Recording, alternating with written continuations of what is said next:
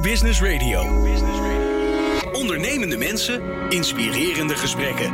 Let's talk business. Ja, dames en heren, welkom bij Nieuw Bestuur Dutch Davo.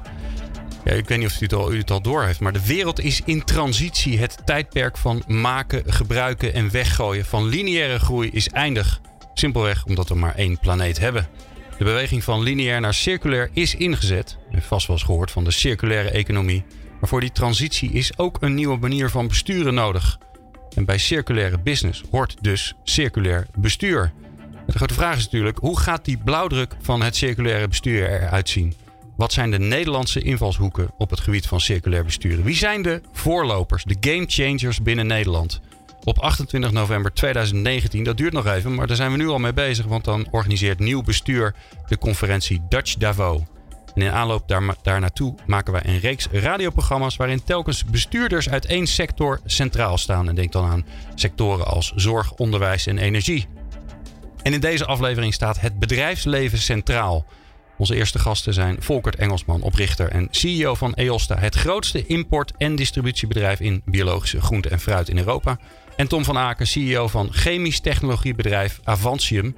Die maken biologische, ik heb het even opgezocht, ethyleenglycol. We gaan vast horen wat dat is vandaag. Maar dat wordt gebruikt voor de eh, productie van bioplastics. Dan hebben we dus geen olie meer nodig om plastics te maken. En deze aflevering van Nieuw Bestuur dus daarvoor wordt mede mogelijk gemaakt door de FMO, de Nederlandse Ontwikkelingsbank. Ik ben Glenn van den Burg en mijn co-host en initiatiefnemer is Mildred Hofkes van Nieuw Bestuur. En die hoor je zo. Nieuw Business Radio. Let's talk business. Nou Mildred, uh, maar eens even bij jou beginnen, dames eerst. Um, uh, ja, waarom maken we deze reeks programma's? Nou, wij maken deze reeks omdat wij in november 2019 een grote conferentie gaan organiseren, Dutch Davos. Dat gaan we in Haarlem doen. En om daar uh, de grote vraag die daar op tafel ligt, wat is, de, wat is nodig om de transitie van lineair naar circulair te maken? En met name, wat hebben bestuurders dan nodig? En om die zoektocht vorm te geven, maken we deze radio-uitzendingen. En de eerste doen we vandaag met twee topbestuurders in mijn ogen uit het bedrijfsleven. Uh, zij uh, hebben allebei op hun eigen manier vormgegeven al aan deze nieuwe manier van circulair besturen. Ze zullen dat zelf misschien helemaal niet zo zien. Uh, dat hoor je wel vaker. Zij zijn gewoon bezig met hun bedrijf. Maar in de manier zoals zij die vormgeven, uh, ja, maken ze allemaal stapjes die wij natuurlijk graag van ze willen horen. Ja, dus we gaan van ze leren eigenlijk. Ja. Toch? Ja. We gaan Ja. ze niet vragen hoe het moet, maar wel vragen hoe ze het doen. Ja. Ja, nou tof. Ja, eh, eh, ha- hartstikke mooi. Eh, heren, bijzonder welkom. Eh, ja, twee topbestuurders. Nou, dat is al eerst een mooi compliment wat binnen is, toch?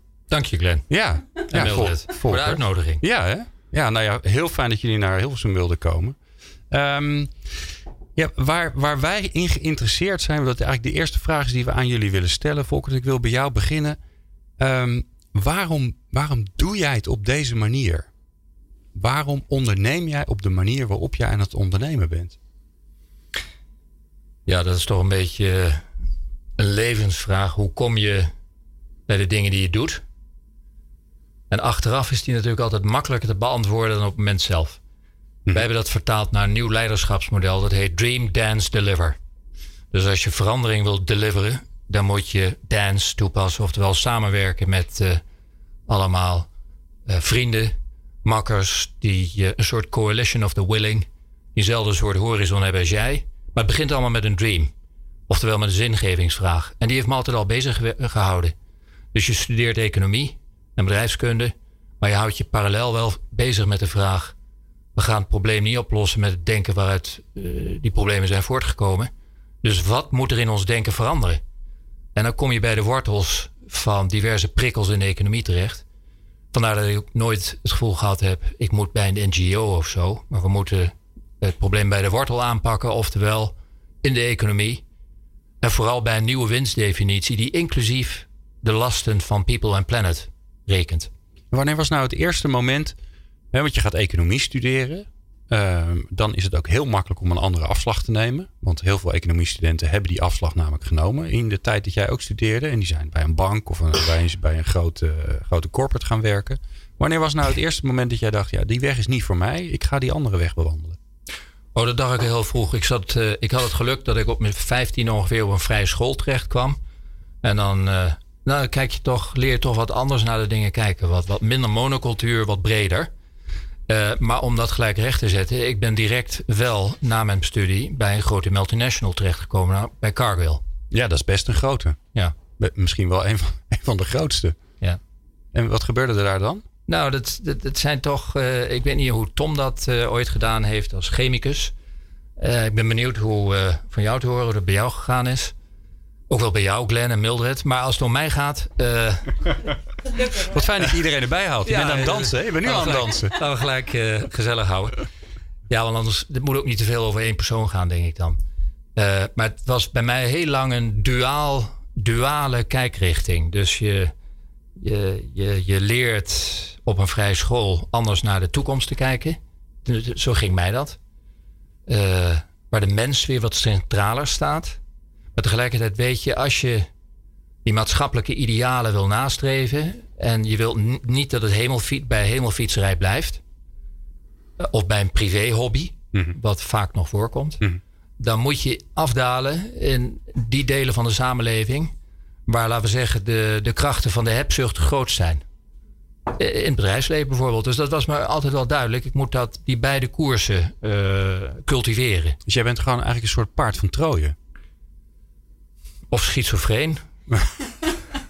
ik vind paard van Troje een stuk leuker. Ja, spreekt mij ook meer aan. Ja. ja, nee, maar ik vind het mooie. Ja, ja. ja daar zit wel wat in. Mag ik, mag ik um, vragen hoe je dat deed bij, um, bij Cargill? Want bij Cargill, ik bedoel, daar stond toch heel nadrukkelijk, neem ik aan, op de agenda het maken van winst en het, uh, de economische uh, factoren. En hoe, heb, hoe ben je daarin gekomen? En wanneer dacht jij van hé, hey, wordt er ook naar andere factoren gekeken dan naar deze financiële parameters? Het is leuk als je een uitzending gemaakt met bestuurders. Overigens fantastisch hoor. Dan, dan, maar iets wat mijn taak om nog even aan te melden dat deze prachtige stem van Tom van Aken was. Dan weet ook iedereen wie de vraag gesteld heeft. Ja, de echte leider. Ja, aan mijn linkerzijde. Uh, ja, dat uh, was me op voorhand wel duidelijk. Dat ik voor dat soort uh, idealen of duurzaamheid niet bij Cargo moest zijn. Maar ik weet niet hoe dat uh, in jouw tijd ging. Maar in mijn tijd kwamen die bedrijven naar de, naar de universiteit toe. En dan had je van die bedrijvendagen. En dan, dan was Exxon en Shell en Unilever en Procter Gamble. Die waren dan heel populair. Er stonden grote rijen voor. En er was één tafeltje, dat was onbemand. En toen ik vroeg, wat is dat dan? Zeiden ze, ja, dat is Cargill. Dat zijn Amerikaanse cowboys. Toen dacht ik, die, die moet ik hebben. dus zo is het gekomen. En die begonnen met survival camps in Noord-Amerika. En, en dat sprak me allemaal erg aan. En uh, ik heb vrij snel in het begin... Dat is dan zo'n traineeship wat je doet. Dat duurt twee of drie jaar. En dan leer je allerlei facetten van het bedrijf kennen. Maar de CEO, Whitney McMillan, die had een open deur beleid. En die zei altijd binnenlopen als je vragen hebt. Dus op dag één liep ik natuurlijk bij hem binnen en zei: Luister, de Indianen. Die dachten toch heel anders over eigendom en onze kinderen en de natuur na. Uh, dan laten we zeggen de microbiologen die gentechnologie bevorderen. Waar denk je dat de toekomst zit? In het een of het ander? Zei hij, ah ja, de wereld gaat eh, door en eh, we moeten vooral niet stoppen bij de Indianen. De toekomst is gentechnologie. Dus op die manier daar wist ik nog niet precies wat ik daarmee aan moest. Maar ik wist wel, hier klopt iets niet. Hier wordt te, een te reductionistische insteek gekozen, die misschien vanuit het, de microvisie van, van, van microbiologie letterlijk wel klopt. Maar in de context van zaken toch een hele hoop dingen over het hoofd ziet. Uh, en die als vanzelfsprekend neemt. Bijvoorbeeld, ja, hoe ga je met natuurlijke uh, bronnen om, waarvan je duidelijk ziet dat het geheel groter is dan de som der delen. En later werd dat gezichtspunt ook bevestigd. Als je met microbiologen sprak, die hadden het dan over 96% junk DNA. Dan dacht ik, nou, dat uh, zegt volgens mij meer over degene die die uitspraak doet dan over de natuur zelf. Maar je kan toch moeilijk aannemen dat 96% van de natuur irrelevant is. Kortom, hoe, dat, dat was een kernvraag die me bezig hield. Hoe komen we weer bij het geheel? Want die heelheid van de dingen is een beetje zoek geraakt in de superspecialisatie die uh, niet alleen in de, in de natuurkunde of in de chemie, maar vooral ook in het economisch denken uh, los is gegaan. En zich als een, om met Kate Rayworth te spreken, als een soort koekoeksjong in de samenleving heeft genesteld. En daarbij parasiteert op een hele hoop andere dingen. Die dan maar constant klaar moeten zijn. En ik denk dat inmiddels duidelijk is, uh, als laatste punt, uh, dat we aan de grens komen van dat denken. We hebben het dus over de, de, de, de planetary boundaries van Johan Rockström hebben. Maar als je even uitzoomt, dan kom je eigenlijk, kijk je in een spiegel die ons confronteert met de eenzijdigheid van ons denken. Mm En daar moeten we iets aan doen. En volgens mij zitten jullie juist daar, daarom hier. Want wij, wij vinden dat jullie daar wat aan doen. Uh, Milt, heeft jullie voor, niet voor niks uitgenodigd. Tom van Aken, uh, eh, CEO van Avantium. Um, ja, een beetje dezelfde vraag van jou. Het is wel leuk dat we bij Volkert bij, uh, bij zijn jeugd terechtkwamen. Bij, bij de vrije school. Als jij nou, als jij nou terugkijkt. Waarom, waarom ben je nou hier beland? En waarom, doe je, waarom loop je de weg die je, die je aan het lopen bent? Omdat er ook veel, veel makkelijkere begaanbare paden waren. Ja, ik vind het best moeilijk om uh, na het vorige toch zeer welbespraakte antwoord om daar eh, een even leuk antwoord op te geven. Dus laat ik maar laat ik even dicht bij mezelf blijven. Ik, ik heb scheikunde gestudeerd. Um, ik ben bij DSM gaan werken. In, uh, in het zuiden van Nederland en daarna in, uh, in Amerika.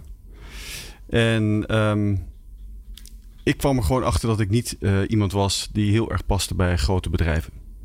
Ik wilde eigenlijk veel liever ondernemen. Met name in um, Amerika kwam ik heel veel jonge ondernemers terecht die start-ups opzetten. En daardoor werd ik enorm gegrepen dat ik dacht: ja, dit, waarom heeft nooit dit iemand aan mij verteld? Ik kwam op diezelfde bedrijvendagen waar jij hm. kwam. Maar iedereen ging alleen maar voor een traineeship en, uh, en, en, voor management development trajecten. Dat was echt die tijd, hè? Ja. Ja. Ja, ja dat, dat ja, maar er zijn gelukkig nu steeds meer studenten die denk ik wel kiezen voor, uh, voor op jonge leeftijd ondernemen wordt. Dat zat in mijn tijd was dat ook helemaal geen optie. En ik zag toen ik in Amerika werkte voor DSM heel veel bedrijven, met name aan de biotechnologie kant, die hun eigen bedrijf opzetten. En ik dacht, ja, dat wil ik eigenlijk ook een keer proberen om een keer bij zo'n start-up te zitten. En ik was heel erg altijd geïnteresseerd in niet in eindeloos dingen zeg maar incrementeel verbeteren, maar met name eigenlijk dingen die toch wat radicaler uh, waren. En zo ben ik bij een start-up gekomen. Die heette, ja, die heette Avantium. En het, het was een van de weinige start-ups in Nederland. In, uh, in de, chemische industrie. Dat was de industrie waar ik in zit. Ik had ook niet heel veel keuze, zal ik eerlijk toegeven. En ik ben toen daar gaan werken. En, en dat was eigenlijk ook nog voor de tijd dat we echt zeg maar, in groene chemie gingen. Dat was in de tijd gewoon een chemisch technologiebedrijf.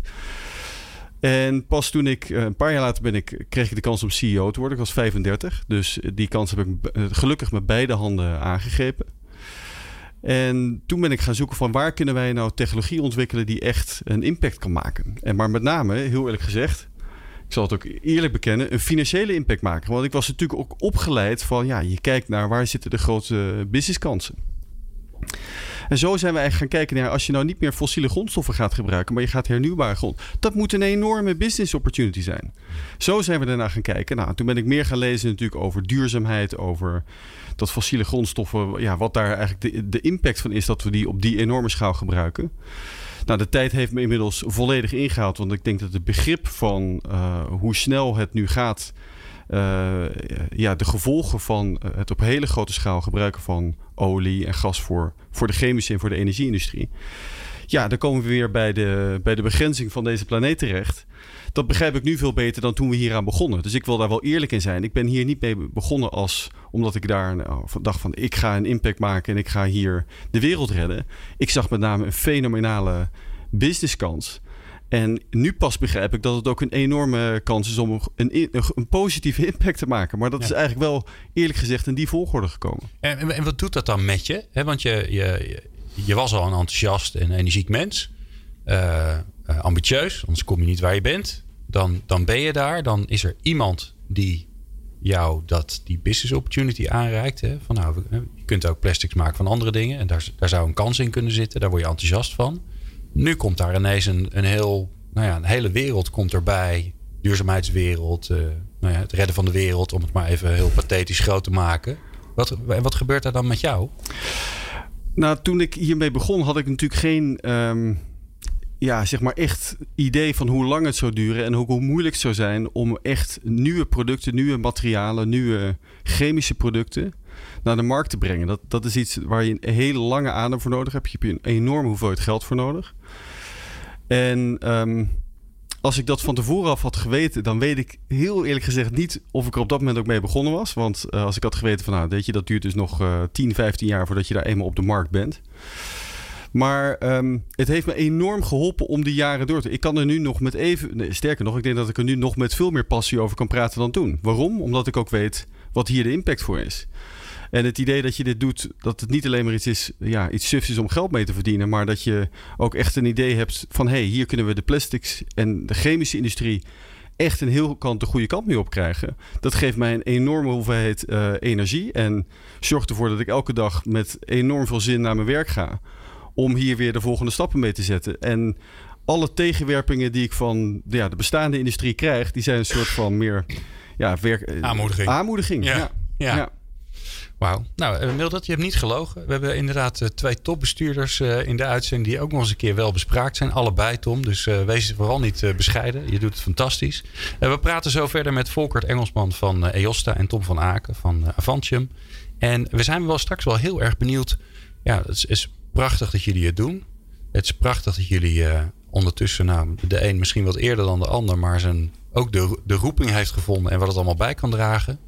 Maar de grote vraag is, ja, hoe hou je je dan staande? Want je zit wel in dat bestaande systeem. En dat hoor je straks. Nieuw Business Radio. Ondernemende mensen, inspirerende gesprekken. Let's talk business. Dames en heren, eh, je luistert naar Nieuw Bestuur Dutch Davos. We hebben twee fantastisch leuke mensen in de studio. Volkert Engelsman van Eelsta en Tom van Aken van Avantium. En als je nou meer wil weten over die bedrijven, vooral even googlen, want ze doen hele gave dingen. Um, waar wij met ze over praten is dat ze allebei de bestuurder zijn van het bedrijf. Uh, ja, dat ze uh, zichzelf het leven soms niet al te makkelijk maken. Daar hebben we het net over gehad waarom ze dat eigenlijk doen. En waar ik nu heel erg benieuwd, naar ben, Tom, en ik wil bij jou eigenlijk beginnen. Um, je, je hebt een bedrijf, je maakt een product wat eigenlijk fantastisch is. Hè, want je maakt uh, uit suiker maak je bioplastics. Nou, het is eigenlijk een no-brainer om te zeggen: ja, waarom, waarom maken we überhaupt nog plastic uit olie? Waarom doen we dat niet op deze manier? Want het is veel beter. Maar het huidige economisch systeem, de huidige wereld zit niet zo in elkaar dat het morgen dat iedereen dat van jou overneemt. Waar heb jij nou last van?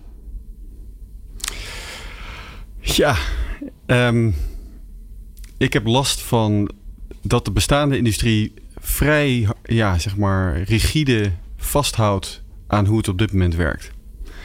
En dat um, als we. Eh, ja, men kijkt eigenlijk heel erg snel naar kosten. Ik bedoel, ik, bij, bij welk bedrijf ik ook ga praten over onze oplossingen en onze producten, vraagt iedereen eigenlijk.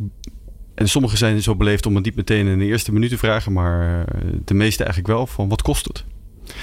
En als je dan zegt dat het uh, in ieder geval het begin duurder is dan wat ze nu hebben, dan zie je heel veel mensen afhaken. Nou, wij hebben overigens een plastic wat, waar heel veel mensen geïnteresseerd zijn. En dat gaat echt van Coca-Cola tot aan Danone tot aan Lego. En we hebben nu een, een, een grote joint venture met BASF. Maar waarom is iedereen zo geïnteresseerd?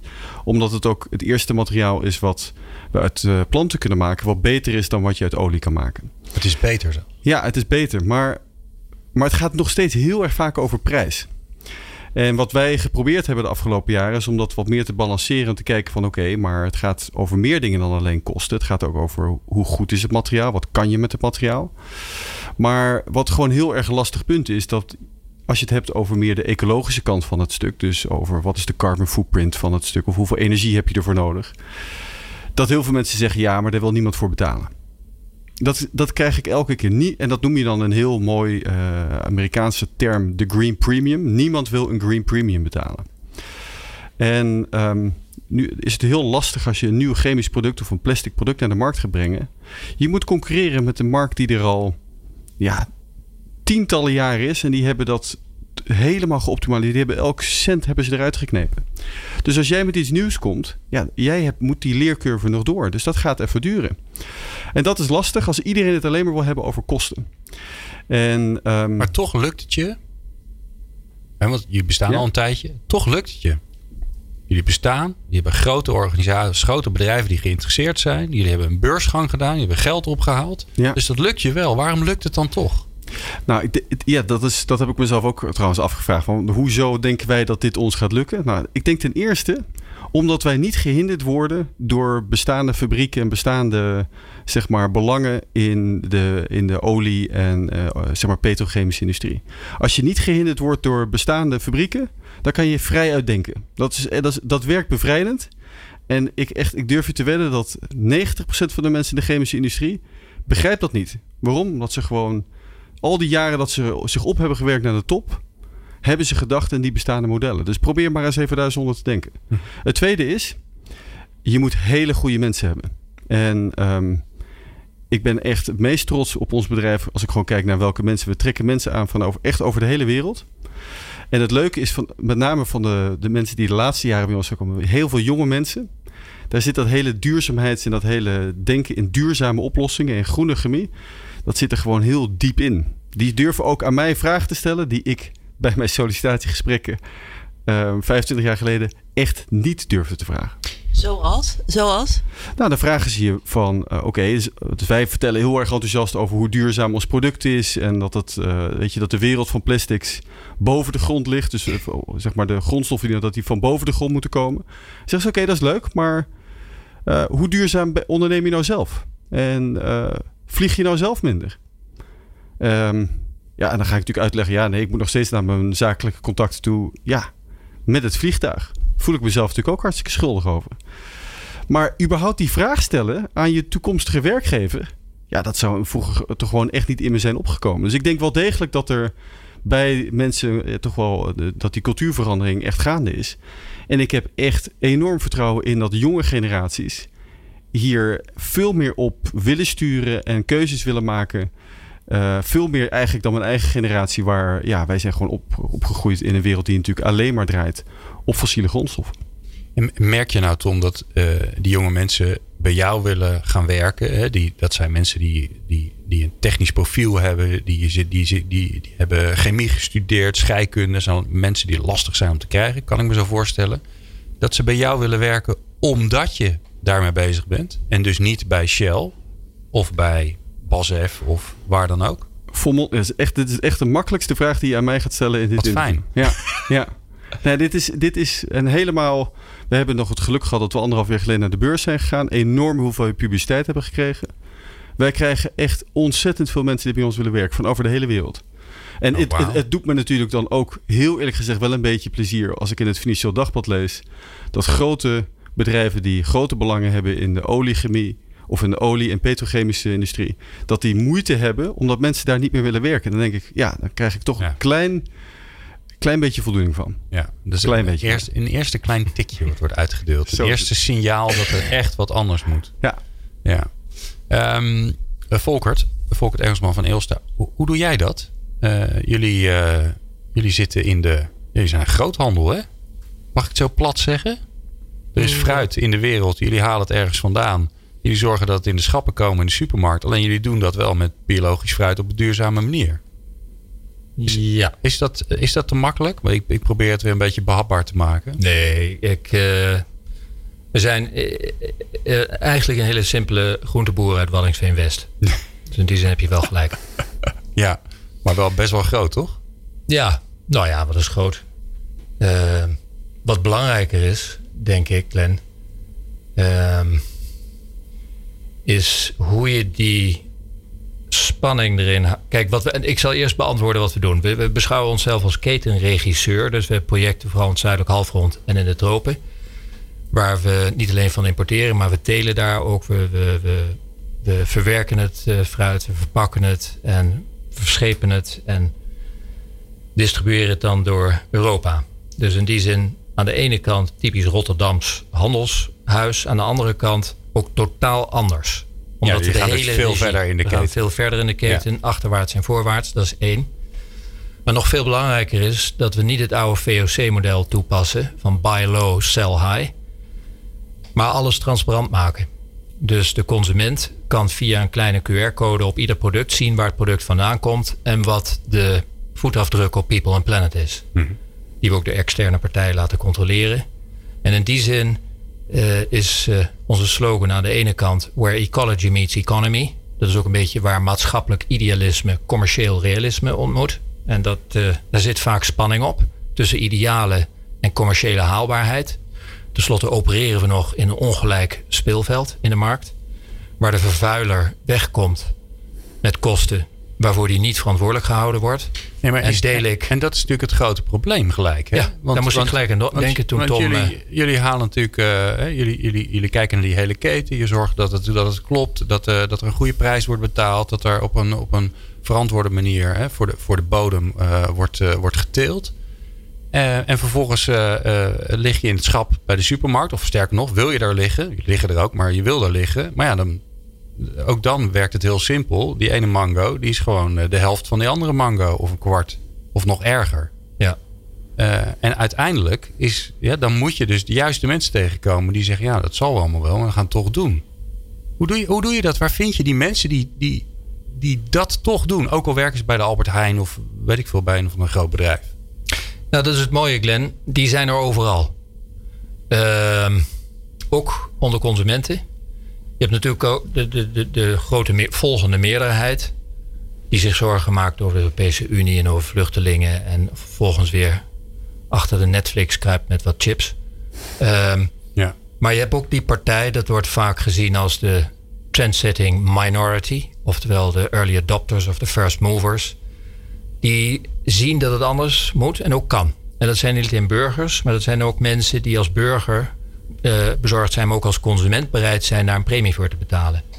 Dus in Toms business is het misschien nog wel lastiger om daar een premie te vragen voor iets wat in een gelijker speelveld, waar de vervuiler zou moeten betalen, vele malen goedkoper is dan in een fossiele brandstof gedreven plasticmarkt, hmm. zou ik zeggen. Hmm. Is, is, is Toms businessmodel veel winstgevender als je het, eh, de winstdefinitie wat oprekt. Maar goed, zover zijn we nog niet.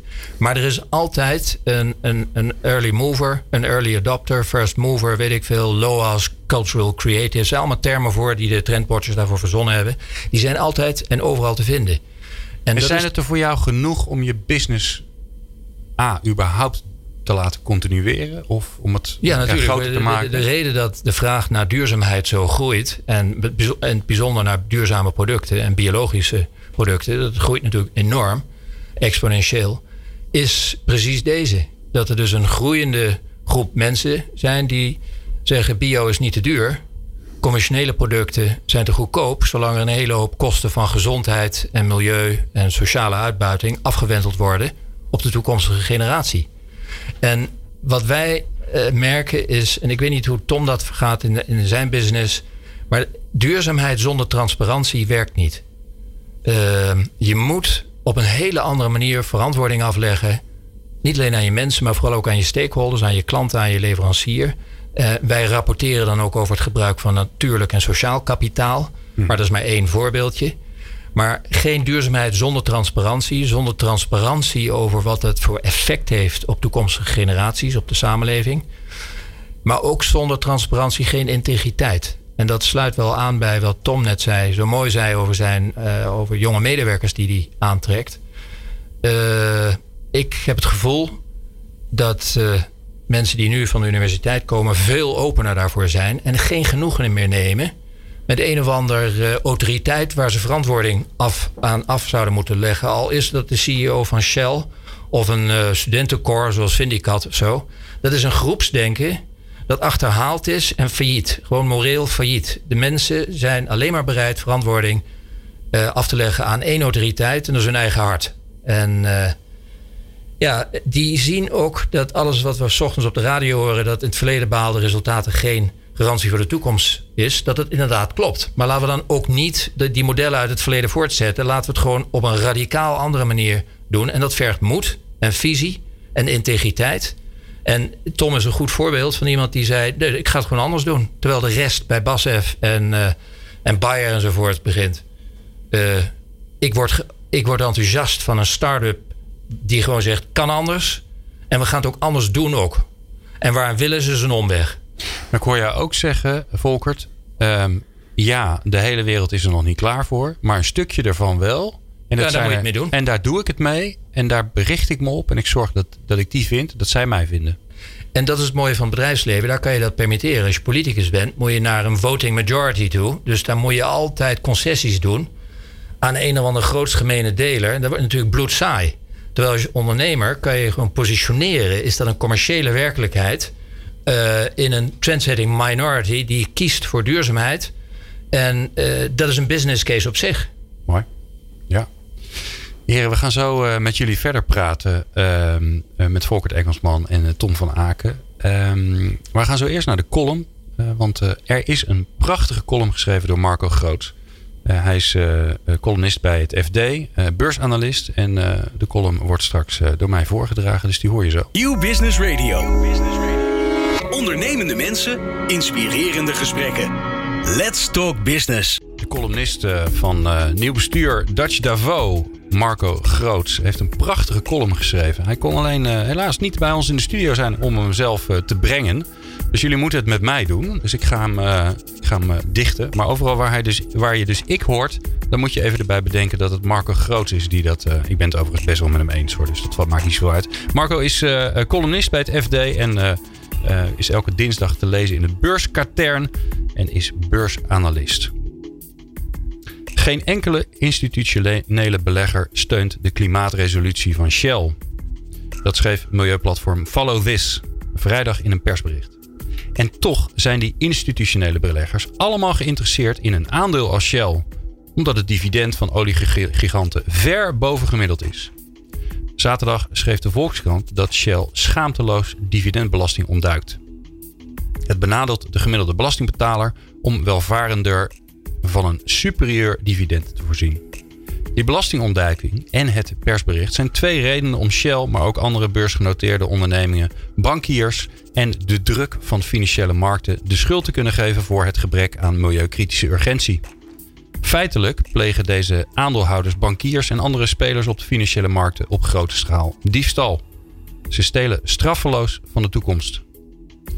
Maar niet alleen zij blijven onbestraft, ook ik schaam me dagelijks kapot. En dat zou u ook moeten doen. U als westerse mens spaart voor de toekomst. Op korte termijn om iets moois te kopen of om op vakantie te gaan. Of om op lange termijn eerder met pensioen te kunnen gaan. U werkt voor uw eigen levenslijn, uw eigen lineaire bestaan. Ook al wil iedereen echt wel wat doen aan een duurzame samenleving, niemand doet er echt iets aan. Of in ieder geval te weinig. En toch is het tijd dat het wel gebeurt. Dat ook u de urgentie voelt. Want ook u stilt leven van een ander. U bent een dief. Erger is het dat bestuurders er niets aan doen. Waarom is een liter olie goedkoper dan een watt windenergie? De milieuopbrengst van olie is toch negatief? En die van windenergie positief. Windenergie is in eco's dus spotgoedkoop en olie strafbaar duur. Bestuurders snappen die urgentie stiekem wel, maar acteren niet. Mensen, de mensheid, u neemt pas harde maatregelen als het leven ertoe doet. En zolang ieder in zijn eigen westerse kokon kan blijven bestaan, en we denken in euro's in plaats van in eco's, gaan we nooit rondmaken wat nu recht is. Er verandert nauwelijks iets en dus is het eerder steeds te laat. Let's Talk Business op Nieuw Business Radio. Zo, heren. Nou, dat is een, uh, dat is een stevige oproep, kunnen we wel zeggen. Hè? En dat van iemand die beursanalist is. Ja, nou laten we eens even kijken. De urgentie voelen we volgens mij allemaal als we nou naar de toekomst kijken. En we kijken naar bedrijven zoals die van jullie, organisaties zoals die van jullie.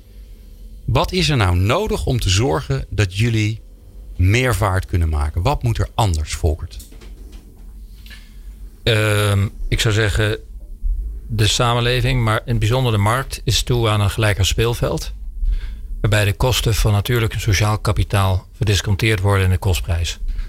Uh, dat klinkt wat gecompliceerd, maar dat is dus volop gaande. De Nederlandse bank voert klimaatstresstests door. Dat betekent dat uh, verliezen winstrekeningen en balansen van uh, verzekeraars en andere institutionele beleggers getoetst worden op wat er nog van die winst overblijft als je de kosten van broeikasgas door zou belasten. -hmm. Na de financiële crisis werden er andere stresstests doorgevoerd. Nu worden de klimaatstresstests doorgevoerd. Uh, Mark Carney, de governor van de Engelse centrale bank, uh, doet hetzelfde. Die heeft het over pollution of horizons. En dat bedoelt hij in overdrachtelijke, maar ook in letterlijke zin. Oftewel, we zijn verslaafd aan een korte termijn winstdefinitie die toestaat om kosten van mens en milieu af te wentelen op onze kinderen. Dat, dat, is een pollution van de lange termijn horizon, maar het is letterlijk ook een verontreiniging, een vervuiling van de horizon voor onze kinderen. Ja. Dat is niet langer houdbaar. Uh, Standard Poor's, die uh, kredietratingclub, die heeft onlangs Truecost overgenomen. Dat doen ze niet op een dinsdagochtend, regenachtige dinsdagochtend, uh, om hobbyredenen, maar om de zogenaamde niet uit de balans blijkende verplichtingen in kaart te krijgen. Terwijl de, de Financial Stability Board heeft een taskforce Climate-Related Financial Disclosures uh, geopend, waarin ook Klaas Knot van onze eigen Nederlandse bank deelneemt, uh, waar het ook om dat soort dingen gaat. Kortom, dan kan je zeggen, ja, hoe zit het dan met bodem en met sociaal en met dit en met dat en met water? Nou, dat zit uh, dan wat verder in het verschiet. Maar klimaat staat duidelijk op de agenda en begint in te dalen, uit te breken uit de groene bubbel, in te dalen in het DNA van een nieuwe. Uh, van de financiële markten en van een nieuwe winstdefinitie. en... daar is geen stoppen meer aan. En dat is ook uh, een kwestie van tijd. En als je daar denkt van nou, mijn tijd zal het wel duren. En dat geldt voor een hele hoop institutionele beleggers. Dan is dat wat mij betreft puur struisvogelpolitiek. Dus de insteek die de columnist kiest is een morele. Maar de werkelijkheid is dat het steeds meer een financiële wordt. Laten we gewoon correct rekenen. En uh, ophouden met de kluit blazeren. Dus willen we ook in de toekomst nog winstgevend blijven. Ja, dan moeten we kappen met het stoelpoten onder ons bestaan wegzagen. En onze, onze toekomstige winstgevendheid. In die zin is het best wel moedig van Tom. Om een beursgang uh, een, publieke, om publiek geld op te halen. Omdat je daarmee ook wel wat goden over je afroept. Uh, in tegenstelling tot een wat gerichtere kapitaalsgeneratie van mensen die wat meer visie hebben dan een gemiddelde belegger die geen probleem heeft om winst te maken. Dankzij anonimiteit weet hij veel waar hij in belegt. Het zijn vaak uh, samengestelde hybride pakketten. Ja. Na mij de zonvloed en wat niet weet, wat niet deert. Dus risicovol, denk ik, maar moedig. Ik hoor jou dus zeggen, die CO2-beprijzing, om het zo, zo simpel maar even te doen, hè, die gaat natuurlijk verder. Maar in ieder geval die CO2-beprijzing, die is, zit er eigenlijk al aan te komen. Ja, met of zonder dus Trump. Let goed op. Dat risico is er nu al. Dus als je als organisatie, als bedrijf niet nu al daarmee bezig bent, dan is dat gewoon een risico voor de komende periode. En dat is niet over tien jaar, maar eerder al. Ja, dan zul je bedrijven die niet aan verduurzaming doen en die nog uh, een broeikas uh, voetafdruk hebben die onverantwoord is, die zullen in toenemende mate uh, problemen krijgen om toegang tot kapitaal te krijgen. Ja, nou, dan zit er iemand naast je die, uh, die, die uh, je gaf hem net al, je gaf hem net al aan, dus ik denk ik kop hem gewoon in. Tom, jij, jij bent naar die kapitaalmarkt gegaan, naar die, ja, jij bent, hebt een beursgang gedaan. um, wat heb jij verder nog nodig? Dus wat moet er veranderen? Dat is jou gelukt, toch? Je bent op de beurs. Je hebt toegang tot dat bestaande ouderwetse systeem. Ja, dat klopt. Um, ik wil toch even eerst reageren op Volkertsen. Um, hij, hij, verpakt het heel mooi, maar het was natuurlijk eigenlijk in impliciete vraag van... Ik begrijp waarom? niet, waarom doe je dit? Dus dat is, um, daar ga ik eerst proberen een antwoord op te geven, Volkert. Dat vind ik wel, ik vind het namelijk een, een uitstekende en hele, hele relevante vraag. En heel eerlijk gezegd, wij hadden voor onze onderneming een behoorlijk stuk financiering nodig, omdat wij ook willen kunnen investeren in nieuwe fabrieken die gebouwd moeten worden om die materialen die wij ontwikkelen naar de markt te kunnen brengen. En dat is kapitaalintensief en, dat, en, en langere termijn. En wat gewoon eigenlijk al vrij snel bleek, toen wij met een grote investeringsbank naar de ja, de, de, de geëigende normale zeg maar, investeringsfondsen gingen, die reageerden allemaal: sorry, je hebt geen cashflow, het duurt te lang, veel te risicovol. Uh, u, u hoort niet op de beurs thuis. Het hele positieve was dat er ook, we, en dat was, kwam eigenlijk pas in ronde 2 en ronde 3, hebben we investeringsfondsen gevonden. En met name ook heel veel particuliere beleggers gevonden. Die wel interesse hadden om in een echt innovatief en radicaal innovatief, maar ook heel zeg maar, duurzaam bedrijf te investeren. En dat was eigenlijk volgens mij voor iedereen die erbij betrokken was, een daverende verrassing. Kijk, natuurlijk hebben we ook. Had je zelf stiekem een beetje de hoop opgegeven? Dacht je, nou, dit gaat niet worden? Nou, als jij eerst uh, zeg maar 60, 70 keer de deur in je, dicht, in je gezicht krijgt dichtgeslagen, dan word je op een gegeven moment wel dat je denkt, nou, misschien was dit niet een van onze sterkste ideeën. Maar het begon eigenlijk te veranderen toen uh, een, eerst eigenlijk een aantal grote fondsen, waaronder bijvoorbeeld uh, het APG, dus het, het, het grootste pensioenfonds ongeveer van de wereld besloot van wij gaan hier toch in investeren. Want wij vinden ook dat wij in dit soort hele innovatieve en groene bedrijven moeten gaan investeren. En een aantal andere echt gerenommeerde fondsen. Ja, en dat was eigenlijk de stempel die we net even nodig hadden. En zo zie je dat op een gegeven moment de, de, de puzzelstukken op een, op een plek uh, vielen.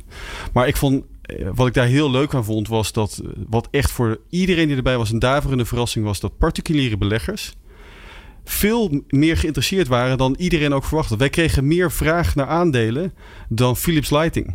Nou, ik bedoel, wij zijn een, echt een klein, heel klein bedrijf.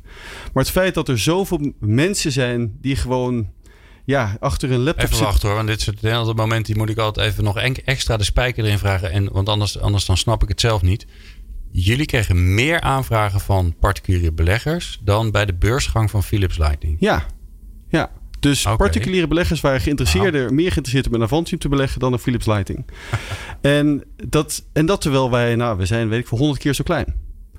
Dus, um, en waarom is dat? Dat is omdat er heel veel mensen in, in aandelen willen beleggen. Maar die willen niet alleen een hele. Proberen natuurlijk, heel veel mensen willen natuurlijk een financiële return halen.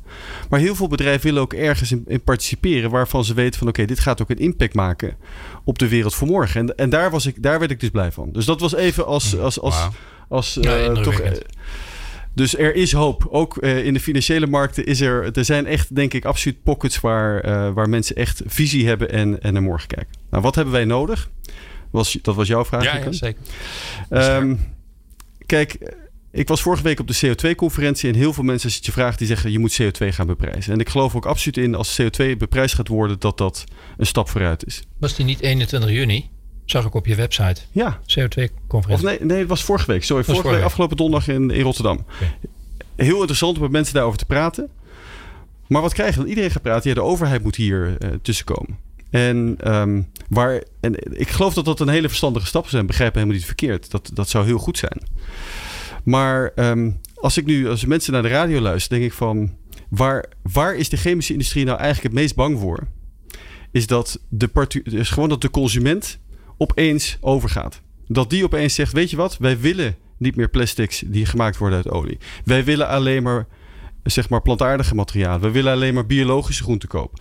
Als dat gaat gebeuren, dan gaat die supply chain zich in no time transformeren naar die nieuwe wereld. Dus ik denk, um, we kunnen allemaal kijken naar andere partijen die het moeten doen.